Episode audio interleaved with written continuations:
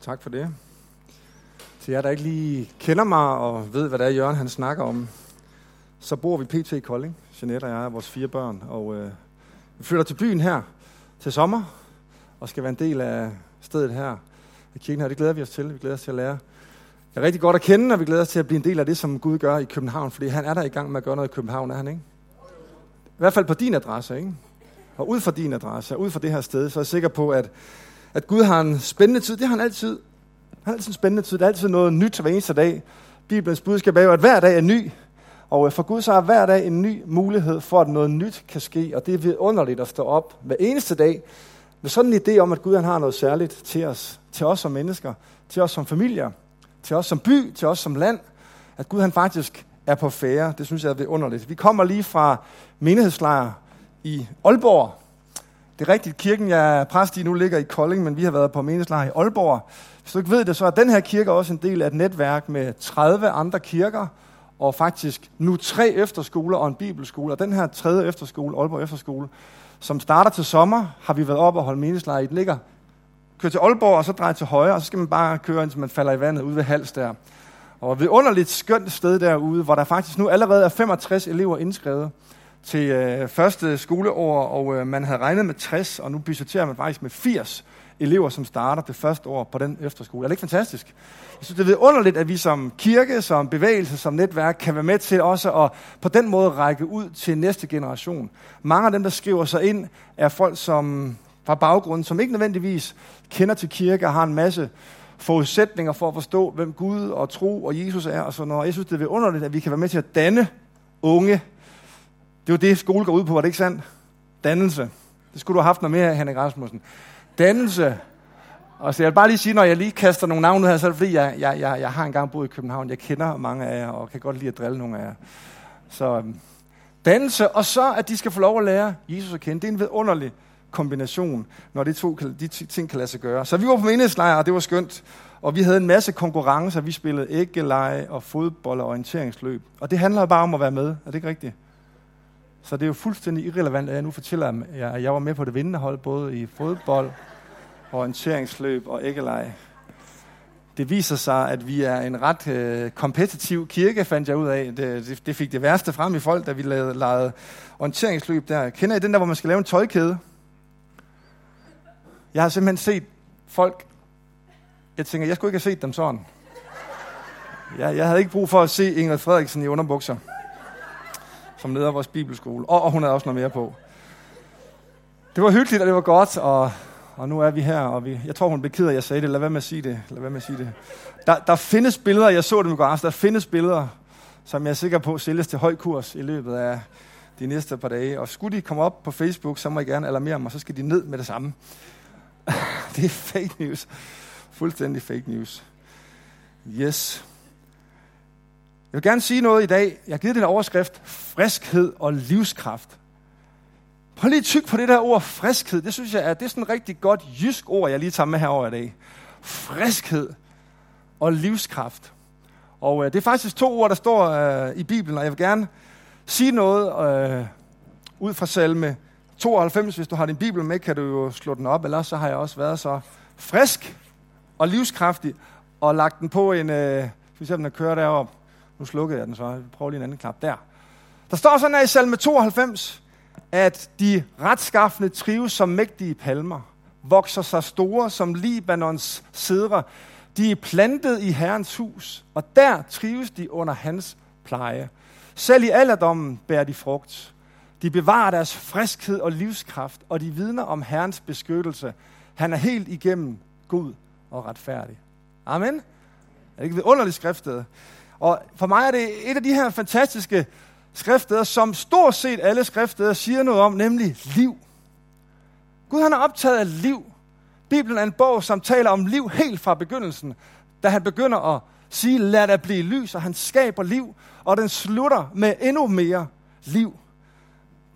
Jesus siger, jeg er kommet for, at I skal have liv, liv i overflod.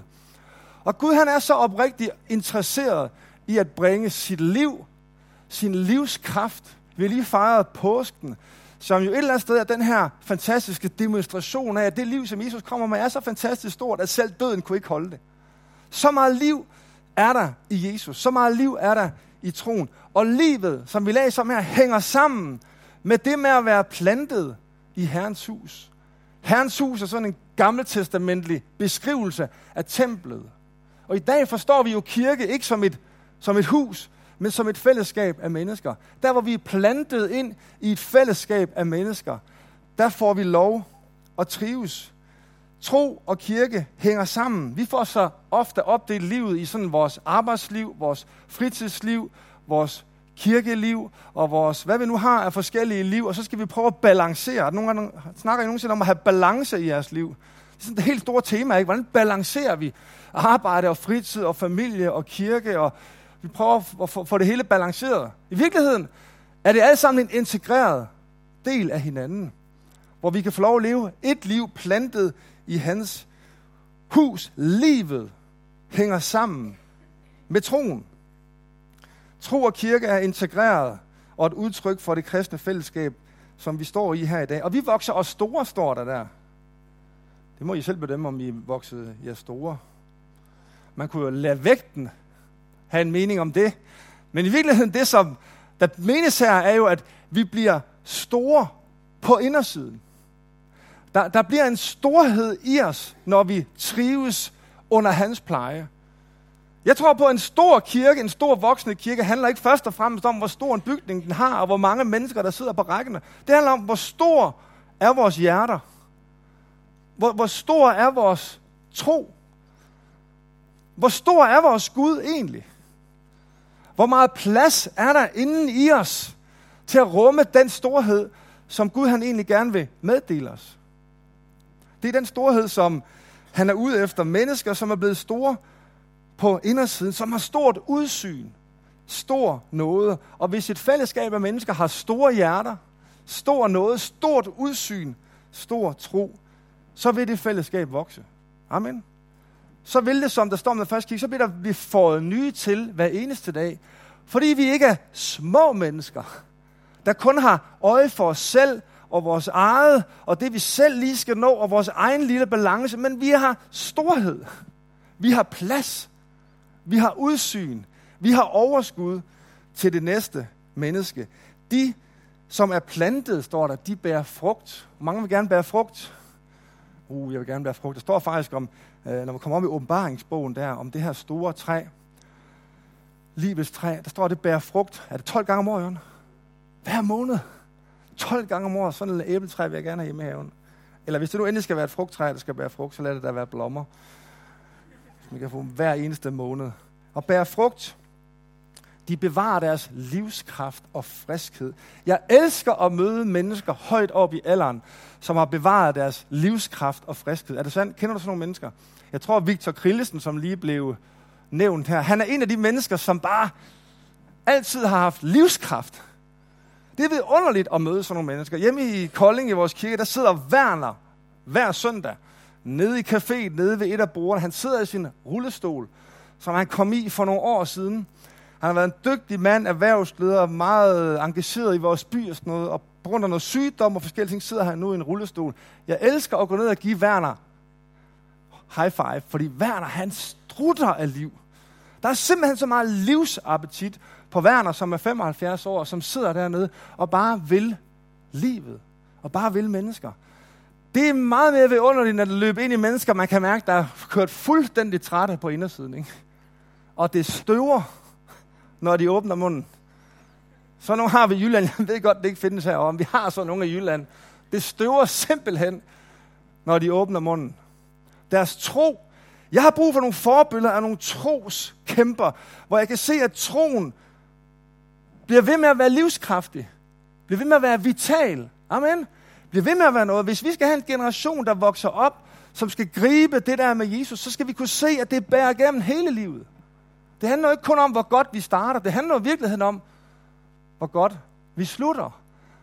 Og troen på Jesus vil blive ved med at udvide os på indersiden og lade os bære frugt.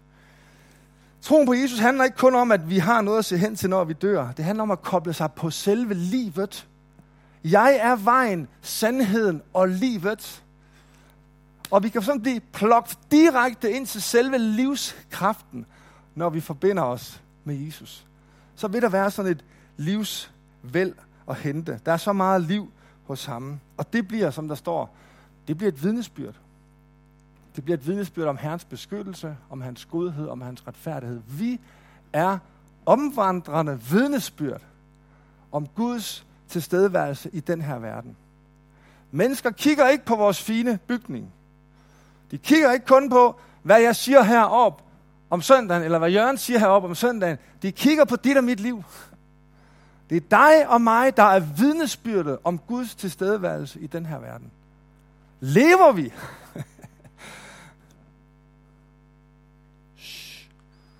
vi er færdige med at synge den her viskesang. Ånder vi? Er vi livskraftige, og har vi friskhed i vores liv? Jeg lærte for en del år siden en mand at kende, det er derfor, jeg lige har taget den her med. Som øh, jeg bare lige vil tegne. Jeg lærte en mand at kende, som, øh, nu tegner jeg ham lige her. Ikke at jeg sådan er specielt udlært i at tegne mennesker, men der har vi ham. Og øh, ham her, efter et langt liv, hvor han havde offret sig for den gode sag, og givet sig selv hen for en større sag i en lang årrække, efter en forbilledelig indsats hele hans liv, så blev han af myndighederne sat i fængsel. Og på det tidspunkt, hvor ham her levede, der fandtes der ikke så fine fængsler, som vi har det. Og faktisk var fængslerne så overfyldte, at han blev sat i husarrest. Og når man blev sat i husarrest på det tidspunkt, så skulle man selv betale for huslejen. Det var meget smart af myndighederne, ikke? Her er et hus, der skal du være, og du skal selv betale. Det er lidt svært at finansiere sin husleje. Det her, det er, det er simpelthen øh, 100 kroner Det er svært at finansiere sin husleje, når man sidder i husarrest. Og det her, det var også før fodlænken. I ved godt, man kan faktisk sidde i husarrest i dag også med en fodlænke. Er nogen, der har prøvet det? Nej, lad, lad være med at række på det. Det vil vi slet ikke vide om. Men det var sådan, det var før, det var før fodlængden. Så ham her, han var lænket til en fangevogter, som var hos ham 24-7. Han sad i husarrest og ventede på sin dom. Jeg ved ikke, om han havde sådan et ur hængende deroppe, eller om han havde fået et Apple Watch, eller hvad. Men han ventede imellem 6 og 7 år, inden han fik sin dom som i øvrigt endte med at tage livet af ham. Måske er der nogen af os, der er kommet i kirke i dag og sunget med på de gode sange, som vi har sunget. Tak, Christian. Om tro, og om håb, og om liv, og om kærlighed. Og nu står den glade præst heroppe og snakker om friskhed og livskraft. Kan I mærke det? Og så er der i virkeligheden måske nogen af os, som måske kan genkende noget af den her situation i vores, i vores eget liv. Måske er der nogle af os, der i virkeligheden oplever mange begrænsninger i vores liv. Det er som om, vi kommer hertil og ikke længere. Det er som om den der drøm, vi havde, og det der, vi gerne ville, og det er som om, vi oplever det, det er blevet indskrænket. Vores muligheder ligesom har en ende. Og på en eller anden måde, så har vi fået fokus på det der, som på en eller anden måde sætter en begrænsning for os. Eller måske har nogen af os oplevet mangler i vores liv. Måske vi kommer ind ad kirkedøren her til morgen og må konstatere, det hænger ikke sammen for os. Der, der, er simpelthen, der er simpelthen noget, der mangler. Jeg aner ikke, hvor den der forsørgelse skal komme fra. Det kan være økonomisk, det kan være på andre måder. Og det er fint at stå her og prise Gud og løfte hænderne og, og klappe og sige amen, men det er som om det der, det fylder manglerne. Eller måske de der mønstre, som vi på en eller anden måde synes, vi har været bundet til nu i lang tid, og vi har prøvet at bryde de der mønstre igen og igen og igen. Den der vrede, vi bare ikke kan komme af med. Det der, vi så længe har prøvet at se, om vi kunne vride løs af, det der mønster i vores liv, som vores kone har sagt til os igen og igen. Nu gør du det igen, Jakob. Og måske nogen af os er kommet ind i dag med sådan en stor spørgsmål. Gud, hvorfor går tiden bare? Hvor er du henne? Hvor er de der løfter hen, som du har talt om? Tiden går og går og går. Og Paulus, som jo er den her mand, det havde I regnet ud, ikke? Nej, det er okay. Paulus er jo den forfatter, som har skrevet to tredjedele af Nye Testamente. Og mod slutningen af hans liv, hans liv kommer han i husarrest. Og bliver placeret i de her omstændigheder. Og skriver så midt i det, det mest fantastiske, glædesfyldte brev, vi har i Nye Testamente, vil jeg våge at påstå. Filipperbrevet, det er der i hvert fald en af dem, er det ikke, Jørgen Mortensen? Der er så meget glæde. Prøv at gå hjem og læse Filipperbrevet. Du vil blive provokeret af, hvor meget glæde er, når du nu du ved, at Paulus han sidder der, lænket til en fangevogter. Skal selv forsørge sin egen husleje, ved ikke, hvornår han kommer for retten. Og så skriver han et fantastisk, livsopmuntrende, livsbekræftende brev til hans kirke. Der er et eller andet med den der trivsel og den der pleje, som Paulus på en eller anden måde formår at se fuldstændig igennem den der virkelighed, som han befinder sig i. Og jeg har været på jagt efter, Paulus, hvordan er det, du ser på livet? Hvordan er det, du griber livet ad? Fordi jeg kan godt genkende noget af det her engang imellem i mit eget liv. Og det kan jo gå hen og blive sådan helt præstationsfyldt, at jamen, jeg er jo en kristen, så jeg skal jo være glad. Jeg skal jo prædike søndag morgen, jeg skal jo være glad. Jeg skal jo helst komme på arbejde og være fyldt af energi. Jeg skal, jeg skal være den, der går foran. Jeg, jeg skal sprede glæde. Og alligevel så synes jeg, at det kan være en udfordring, når livet rammer os på forskellige måder. Så Paulus, hvad er det i verden er det, du har gang i? Hvordan får du det der til at hænge sammen? Hvordan anskuer du livet, når omstændighederne er sådan, som de er? Tillad mig, ultra kort her til formiddag. Jeg ved, der er mange måder at anskue livet på. Jeg vil gerne opsummere det i tre. Jeg vil gerne simplificere livet en lille smule her til morgen. Og prøv bare at, at, at, at kaste lys over tre forskellige måder at anskue livet på. Og måske prøve at ramme til sidst ned i, hvordan er det egentlig, Paulus han anskuer livet. Og øh, den første har jeg kaldt præstation. Hov, kunne I se den nummer to også. Må man tage noget af det vand herop? Det er derfor, det står her. Det er ellers provokerende, hvis det bare står her. Man ikke må røre ved det. Men det er det jo for jer. Det er ikke for sidste uge, vel? Er det helligvand og alt sådan noget? Dobsvand? Nej. Nej. Det er kommunevand. Så der, vi kan jo gribe livet an på den her måde. Der er nok ikke ret mange af os, der vælger det her bare sådan, når jeg sådan tror jeg, jeg vil gribe livet an. Men jeg tror alligevel, at vi kan komme til at gribe livet an på den her måde. Det bliver sådan en, jamen vi er jo også nødt til. Det bliver sådan lidt med fokus på mig og mine kompetencer og det, som jeg nu kan. Og jeg skal også kæmpe. Det bliver simpelthen mit ansvar at få brudt de der begrænsninger ned. Jeg må simpelthen, og de der mangler, jeg må simpelthen tage et ekstra arbejde. Jeg må simpelthen knokle igennem. Jeg må gøre et eller andet for at få, at, at, at, få, at få reddet den der situation, jeg er landet i. Jeg må simpelthen også tage mig sammen. Det kan ikke nytte noget, Jakob. Du bliver ved med at være, vær, vær, hold fast i de der gamle mennesker. Nu må du simpelthen tage dig sammen. Har du nogensinde sagt sådan til dig selv? Nu må du simpelthen tage dig sammen, Jacob Vifter. Du er snart, du er snart 46 år. Ja, det er godt nok lang tid til, men jeg er 45 år. Du er snart 45 år, det kan da ikke være nyt noget, og jeg, kan, jeg, jeg må simpelthen, og så bliver det nytår, så tænker jeg, i 2018, så skal den have en på hatten.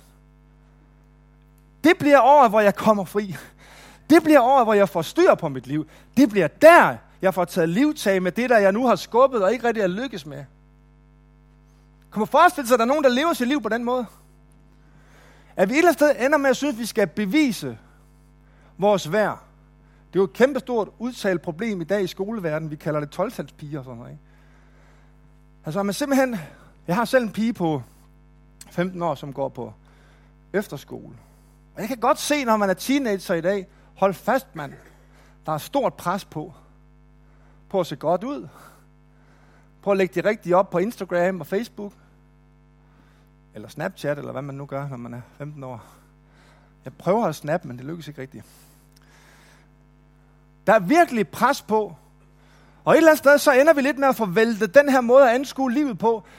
Og det er jo derfor, vi har så meget fokus på de her ting. Det er fordi, vi tænker, jeg skal have det her løst, inden jeg kommer til at trives. Hvis jeg kunne få elimineret det her, så vil jeg trives. Så vil jeg gå glad på arbejde. Så vil jeg stå op under lovsang. Jeg vil måske endda lige danse en lille smule, når Christian siger, at vi skal danse. Ah, måske ikke. Der var du ikke meget tro til der, Christian. Der findes jo masser af gode guider derude til god selvhjælp, og hvordan du overkommer de her ting, og hvordan du får styr på dit liv, og hvordan du får prioriteret dit liv på en god måde, så du ligesom kan lykkes. Og trivsel her kommer til at afhænge af mit eget overskud til at præstere resultatet af min egen indsats. Jeg kan huske, ja, i 2000, det var, det var et spændende år for mig, for 18 år siden. Jeg blev, hey, Jørgen Mortensen lagde hænderne på mig og indsatte mig som præst ude i Valby Frikirke. Ude i Valby. Og samme år så blev Jeanette gravid med nummer et. Og det var, det var som om, vi, vi, fik, vi fik ligesom, vi røg ind i en stime der. og det var ikke nok med hattrick, der, der, der skulle fire til. Og i år 2000 og 2002 og 4 og 6, der fødte Jeanette børn. Og jeg blev præst, og på en eller anden måde, set tilbage, det var ikke sådan et valg, jeg tog med det samme, men set tilbage seks år senere, da jeg røg ind i en krise i mit liv, så havde jeg besluttet mig for på en eller anden måde, nu skal jeg vise, hvordan man er en god præst. Jeg havde, jeg havde kæmpet med det der med, at jeg skulle være præst, og helt ikke lyst til det. Min far er præst. Gud vil sige ham, han er en god præst. Det var ikke, fordi han som sådan havde skræmt mig væk. Men da jeg så endelig selv skulle være det, så tænkte jeg, nu viser jeg lige, hvordan man laver sådan noget kirke her i Danmark. Det kan ikke være så svært. Alle går og siger, at det er så svært, nu skal jeg nok lige lave den der kirke. Og så tænker jeg, og nu, har jeg, nu skal jeg jo så også være far, så tænker jeg, når jeg nu er i gang, så kan jeg da også lige vise, hvordan man er en god far. Jeg kan lige vise min far, hvordan man bliver en rigtig god far. Jeg synes, min far var en god far, men han manglede lige de sidste 10 procent. Kender I det der? Dem klarer jeg lige. Jeg rykker lige op i den højeste liga der, og så skal jeg nok vise min far, hvordan man takler det der med at være far. Og seks år inde i at være præst og være far til fire, var mit liv ved at falde fra hinanden. Jeg var ved at blive vanvittig. Jeg synes, jeg var verdens dårligste præst. Jeg synes, jeg var verdens dårligste far. Og jeg vidste ikke, jeg turde ikke gå hen og sige det til nogen. Jeg gad ikke at være den næste, der brænder ud. Jeg havde det som om, mit liv kører med 180 km i timen, og der findes ikke en station, hvor jeg kan stå af. Jeg kommer aldrig af det her race, og jeg, og jeg har kun én mulighed, og det er at tage mig sammen og knokle det her igennem, indtil det lykkes. Og til sidst greb jeg fat i en, der hedder Peter Prothero, som var og tale i vores kirke en søndag. Og jeg sagde sådan til ham, jeg viskede til ham, Peter, hjælp mig ud. Jeg følte, jeg sad herinde, hjælp mig ud, hjælp mig ud, hvor skal vi hen? Og jeg prøvede at forklare ham, hvad det var. Han sagde, du skal nok snakke med nogen om det her. Og så snakkede jeg faktisk, jeg ved ikke, om du kan huske det, Jørgen. Vi sad og snakkede om det i bilen en gang, vi var til et møde med nogle andre præster. Og jeg fortalte Jørgen om, hvordan jeg havde det. Og så siger han, provokerende som han jo altid er, Jørgen Morten, så siger han, Jakob, måske har det noget med din far at gøre. Har du nogensinde tænkt på det? Nogle ting på, at der er et eller andet i forhold til din far. Jeg tænkte, det jeg har ingenting med min far overhovedet at gøre. Og så opsøgte han noget hjælp, og jeg fik en samtale med nogen. Og mens de begyndte at bede for mig, så var så ham, der bad for mig, han sagde, jeg føler sådan, der er noget vrede i dit liv. Og da han sagde vrede, jeg vidste ikke, jeg var vred. Jeg har, jeg har ikke været vred før. Jeg plejer ikke at være vred. Så, så ligesom han trykkede på sådan en vakuumpose, der bare eksploderede. Og jeg, jeg råbte, og jeg skreg i, jeg lige for jeg kan blive vred nu bare ved tanken om det. Jeg råbte, og jeg skreg i 15 minutter, jeg lå på gulvet i, hans, i deres hus der, og jeg var så vred på Gud, på min far, på mig selv, på alle. Jeg var så vred over, at jeg ikke kunne lykkes. Jeg var simpelthen så vred. Og da jeg havde råbt og skrejet og skældt ud i 15 minutter, så begyndte jeg en vandring. Og jeg fandt ud af, at jeg var fuldstændig alene med min egen præstation for at skulle være en god far og en god præst. Senere fik jeg snakket med min far. Nu skal det ikke handle om mig og min far. Men i dag siger jeg til min far, det går jeg også, efter vi har fået klaret tingene, jeg sagde, far, hvis jeg bare kan blive halvt så god en far som dig. Sådan har jeg det i dag. Fire børn senere. Hvis jeg bare kan blive halvt så god en far som min far. Vi skal bare blive en halv så god præst som Jan Morten. Det er fint. Så kan vi komme til at leve vores liv. Og leve vores liv sådan, kommer det nemt til at afspejle sig i vores forhold til Gud. Og vi kommer ikke til at leve den frihed og den trivsel, som salme 92 taler om. Vi kommer til at stræbe. Vi kommer til at kæmpe.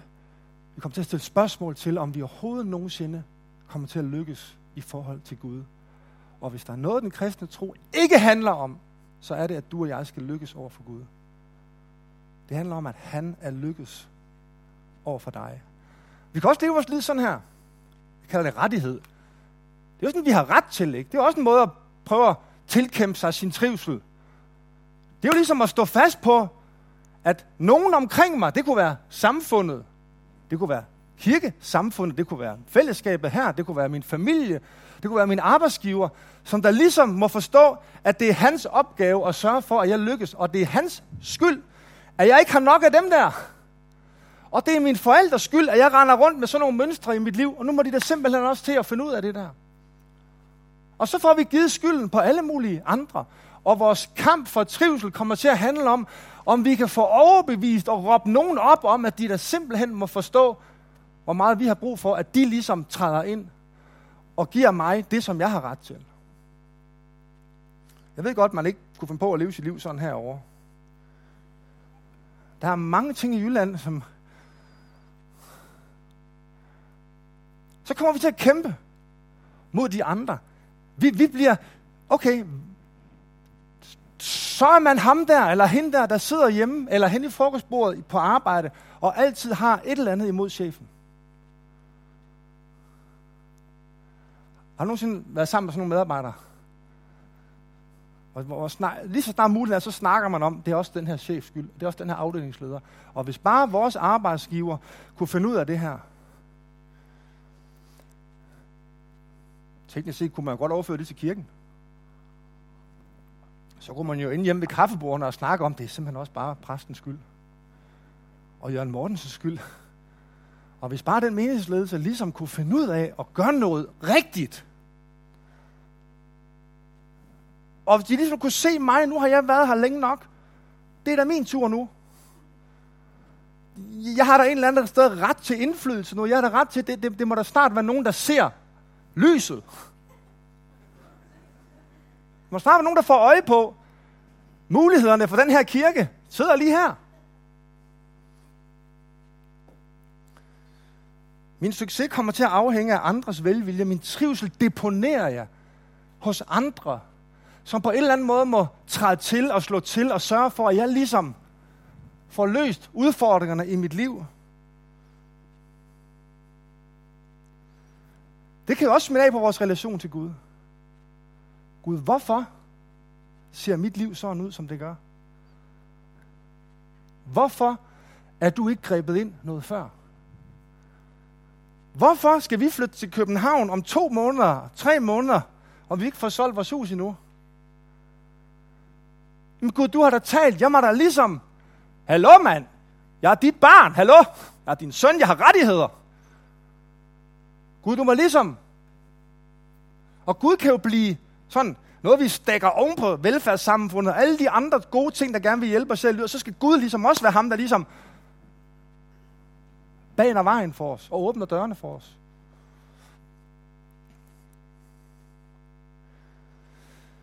Man taler om sådan en generation millennials. Jeg tror, man kalder det dem, der er født fra omkring år 80 til år 96 eller sådan noget. Man, man, man taler om, at de er the entitled generation. Det er dem, der ligesom tror, de har fortjent det hele og har ret til det hele. Sidder der nogen i den alder? Hold din hånd ned, hold din hånd ned. Jeg har faktisk opdaget, at jeg er nemlig ikke den generation. Jeg er før den generation. Jeg har fundet ud af, at vi er meget værre. de der entitled generation, de der millennials, jo tak, de, de må se at lære det. Men hold da op, hvor min generation, og den generation over os, vi er langt værre. Hold nu op, hvor har vi travlt med at påkalde os vores rettigheder. Vi vil selv bestemme over vores tid og vores penge, og der skal ikke være nogen som helst, der skal udfordre os til noget som helst. Og jeg bestemmer selv, om jeg lægger min tiende der eller der eller der. Der er overhovedet ikke nogen, der skal sige noget ind i mit liv. Jeg kan selv.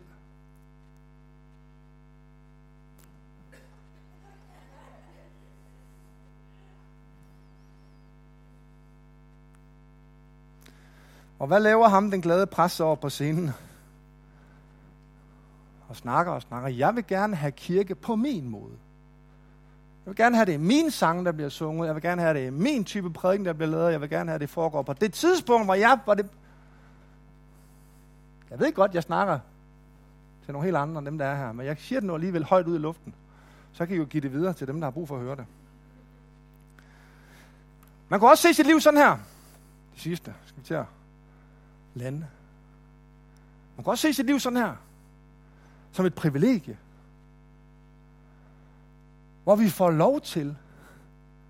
I stedet for at sige, jeg er nødt til. Eller sige, jeg har ret til. Tænk, hvis vi kunne sige, jeg får lov til. Jeg får lov til at blive far til fire. Fantastisk mulighed. Fantastisk privilegie. Er det svært? Hold op, var det svært. Er det et privilegie? Det er et vidunderligt privilegie. Tænk, at jeg får lov til at være med i sådan et fællesskab her. Tænk, at jeg får lov til at tjene. Tænk, at jeg får lov til at løfte andre op. Tænk, at jeg får lov til at være med i noget, som er egentlig dybest set er sat i verden, for at nogle andre skal lykkes. Det er jo dybest set det, kirken handler om. Den er sat i verden ikke for, at jeg skal lykkes, men for, at de andre skal lykkes. For at samfundet, verden, naboerne, for at Frederiksberg og København skal lykkes. Det er derfor, Gud sætter kirker. Det er for, at vi skal løfte samfundet, mennesker. Tænk, at vi får lov til det. Tænk, hvis jeg kunne løfte mit blik. Det er sådan, jeg læser Paulus, når jeg læser Filippebrevet.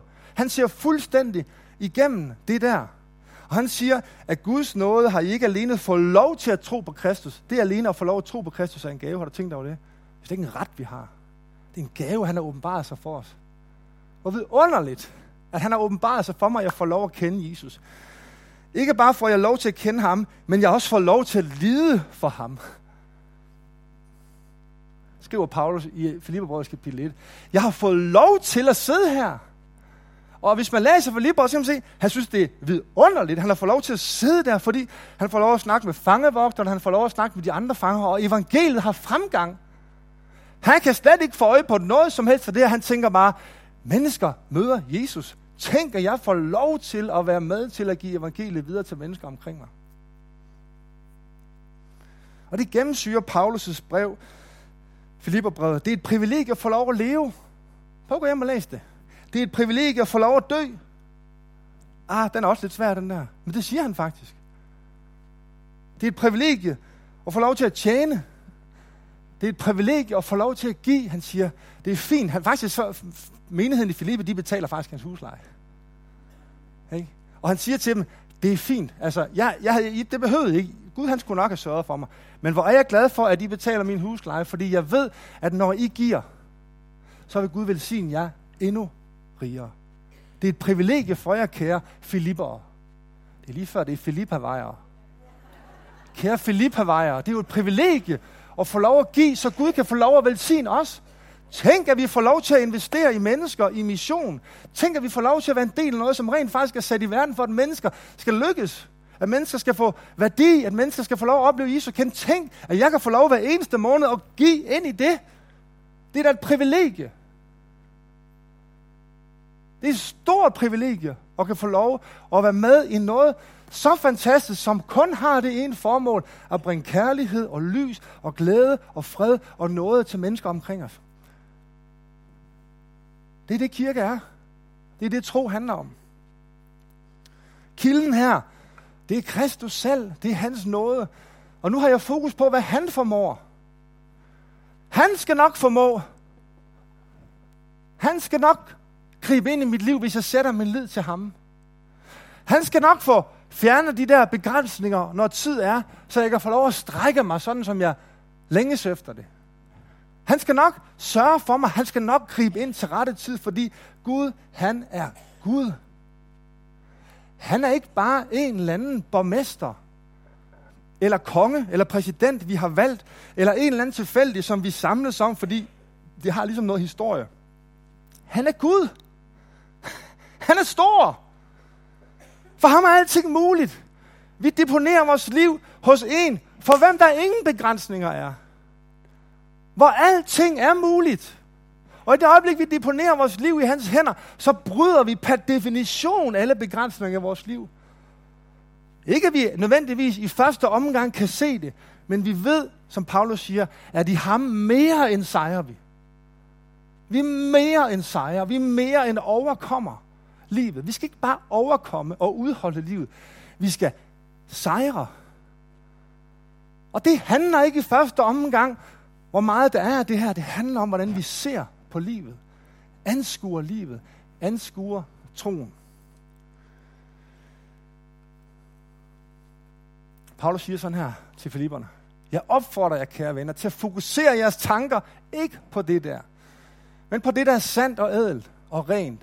Det, man værdsætter og taler godt om, ja, alt, hvad der udmærker sig og er værd at rose. Det er sådan nogle samtaler, vi skal have hjemme ved kaffebordene.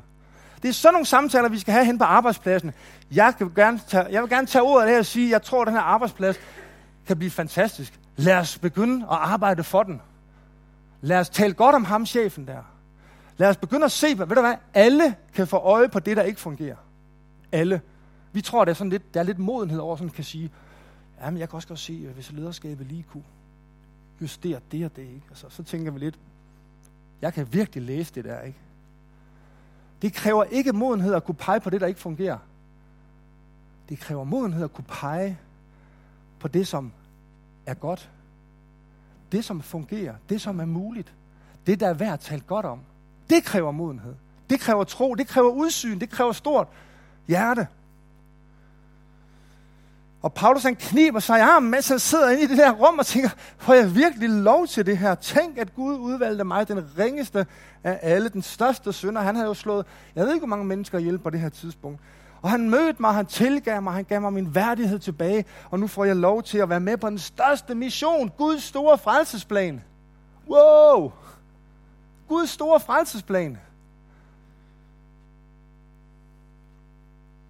Betyder det noget, sammenfatter han, eller siger han i kapitel 2, betyder det noget for jer at blive mindet om, hvad Kristus har gjort? Betyder det noget for os at blive mindet om det indbyrdes kærlighed, åndens fællesskab?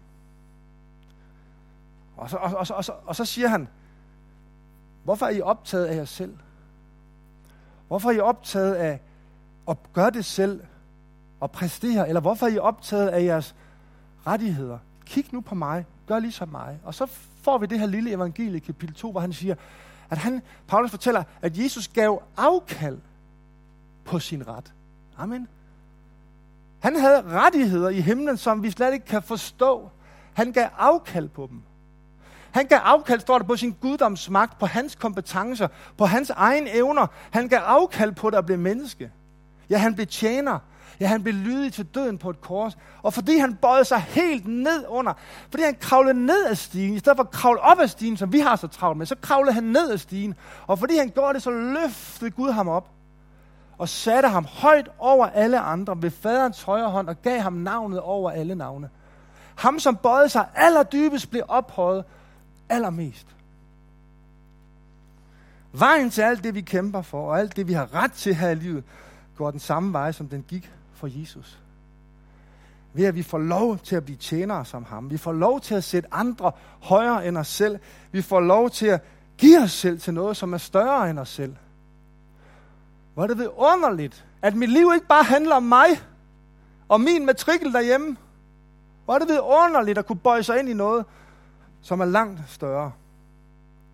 Og vi ved, at som Jesus bliver ophøjet, så ophøjer Gud hver eneste menneske, som ydmyger sig og bøjer sig ned og løfter andre op. Og vi er kaldet til, som kristne, som hans kirke, til at bøje os under hinanden, bøje os ned under vores by, bøje os ned under vores nabo, vores kollega og løfte mennesker op. Der står om den første kirke, at der var ingen, der manglede noget. Hvorfor? Fordi de gav sig selv til hinanden. Der står om den første kirke, den havde yndest i byen. Hvorfor? Fordi de tog sig af de faderløse og enkerne. Fordi de gav sig selv. Kirken er ikke kaldet til at stå ude på kanten af samfundet og råbe ind til samfundet og sige, kom nu herind. Det er meget bedre herinde. Vi er frelste. Det er I ikke nu. Så kan jeg huske, at vi lavede gademission en gang. jeg karikerer det vist en hel del, men i Nykøbing Mors, hvor jeg voksede op, jeg kan huske, når vi sådan skulle på gademission, så var vi inde i kirken, og så havde vi en, en, en vogn med bøger på, og så lagde vi bøgerne på. Øh, det var nærmest som, vi talte til 10. 1, 2, 3. Okay, vi er klar? Okay, og så op på toget. satte den der vogn, sang sang, sagde, de skulle omvende sig, pakkede den sammen igen og løb tilbage i kirken. Og så snakkede vi om, Woo! Ej, det er lidt karikeret, ikke? Der er også mange mennesker, der har fundet Jesus ved at mennesker går på gaden. Men jeg tror på, at vi skal ikke stå på kanten af samfundet og råbe til dem, vi skal ud og være der. Bøj os ned under vores nabo. Bøj os ned under vores chef. Bøj os ned under vores kollega. Og så skal vi løfte dem op. Og så skal de få lov at se, at ham, som vi taler om hen i kirken, han bor i mig. Han lever i mig, og jeg bevarer min livskraft og min friskhed. Mit største vidnesbyrd bliver, hvordan ser min tro ud midt i det der? Det er det, mennesker kigger på. Kan det bære? Kan det bære? Hvordan ser det ud, Jakob? Hen i fodboldklubben. Hvordan ser det ud, når dit liv ikke bare spiller? Og der ikke lige er god guitar og lovsang, og vi løfter hænderne. Hvordan ser det ud?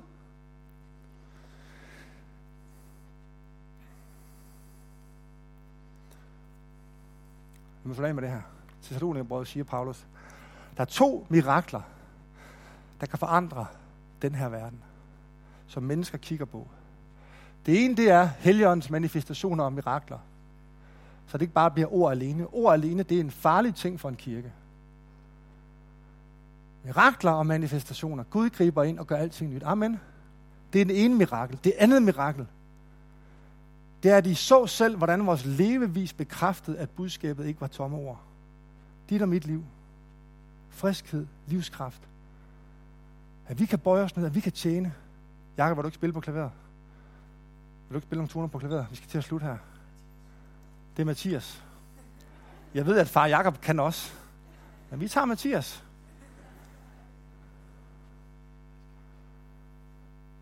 Vores levevis bekræftede, Du din måde at anskue livet på, din måde at takle livet på, din måde at være forbundet med, den, med livskraften selv, er et fantastisk mirakel for mennesker. Det er et mirakel. Det er et mirakel, at vi kan få lov at bevare som Paulus. Jeg synes, for mig bliver Paulus et mirakel. Hvordan filan kan man skrive sådan et brev i sådan en situation? Hvordan kan du være en duft af Jesus? Midt i dine omstændigheder. Mit bedste bud er, lad være med at tro, du selv kan kæmpe.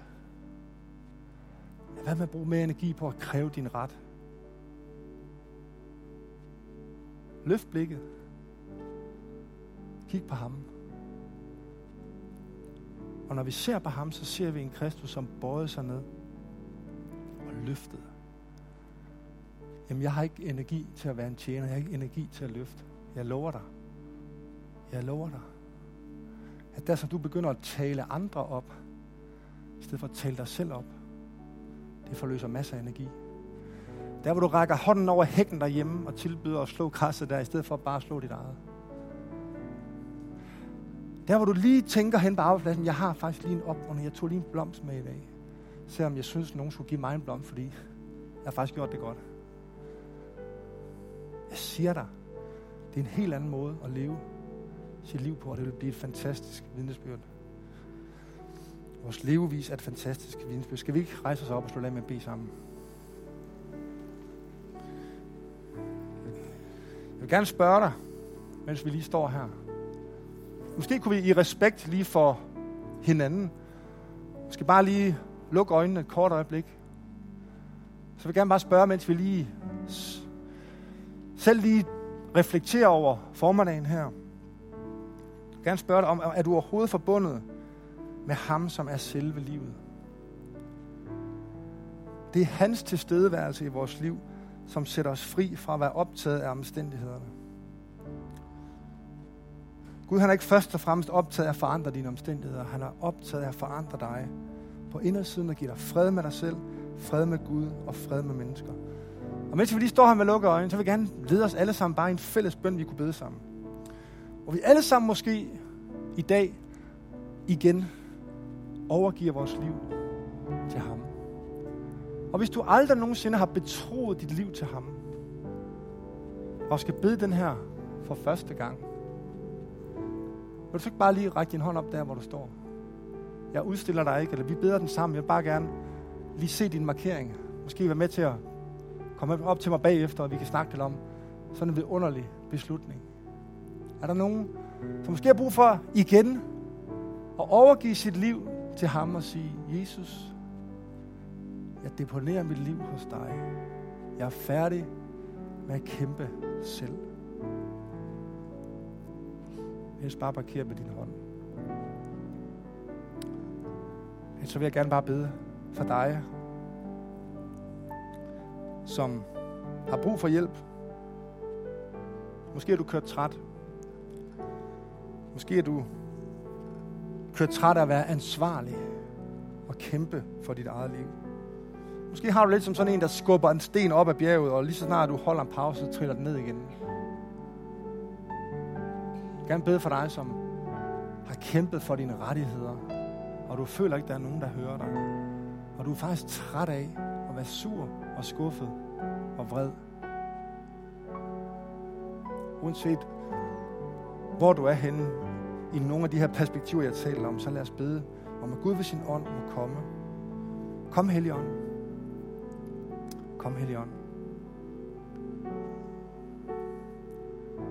Helligånd, vi vil også i det her øjeblik anerkende, at vi, vi er så afhængige af dig. Jeg har brug for, at du kommer og gør det, som kun du kan.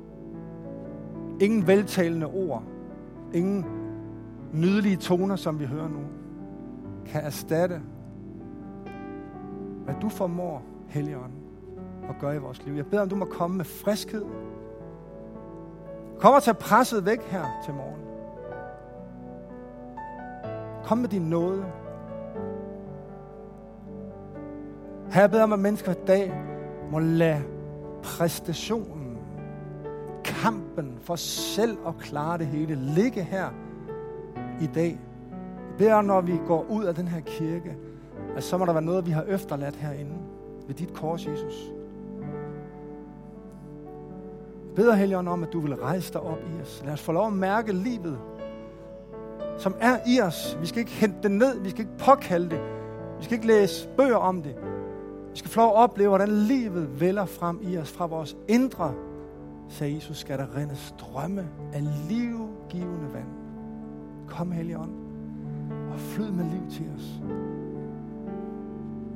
Kom ind i enhver situation, ind i enhver sammenhæng. Ind i enhver skuffelse, ind i enhver kamp. Ind i enhver stress. Kom med dit lys, kom med dit liv, det beder vi dig om i Jesu Kristi navn. I Jesu navn. Amen. Værsgo, Jørgen.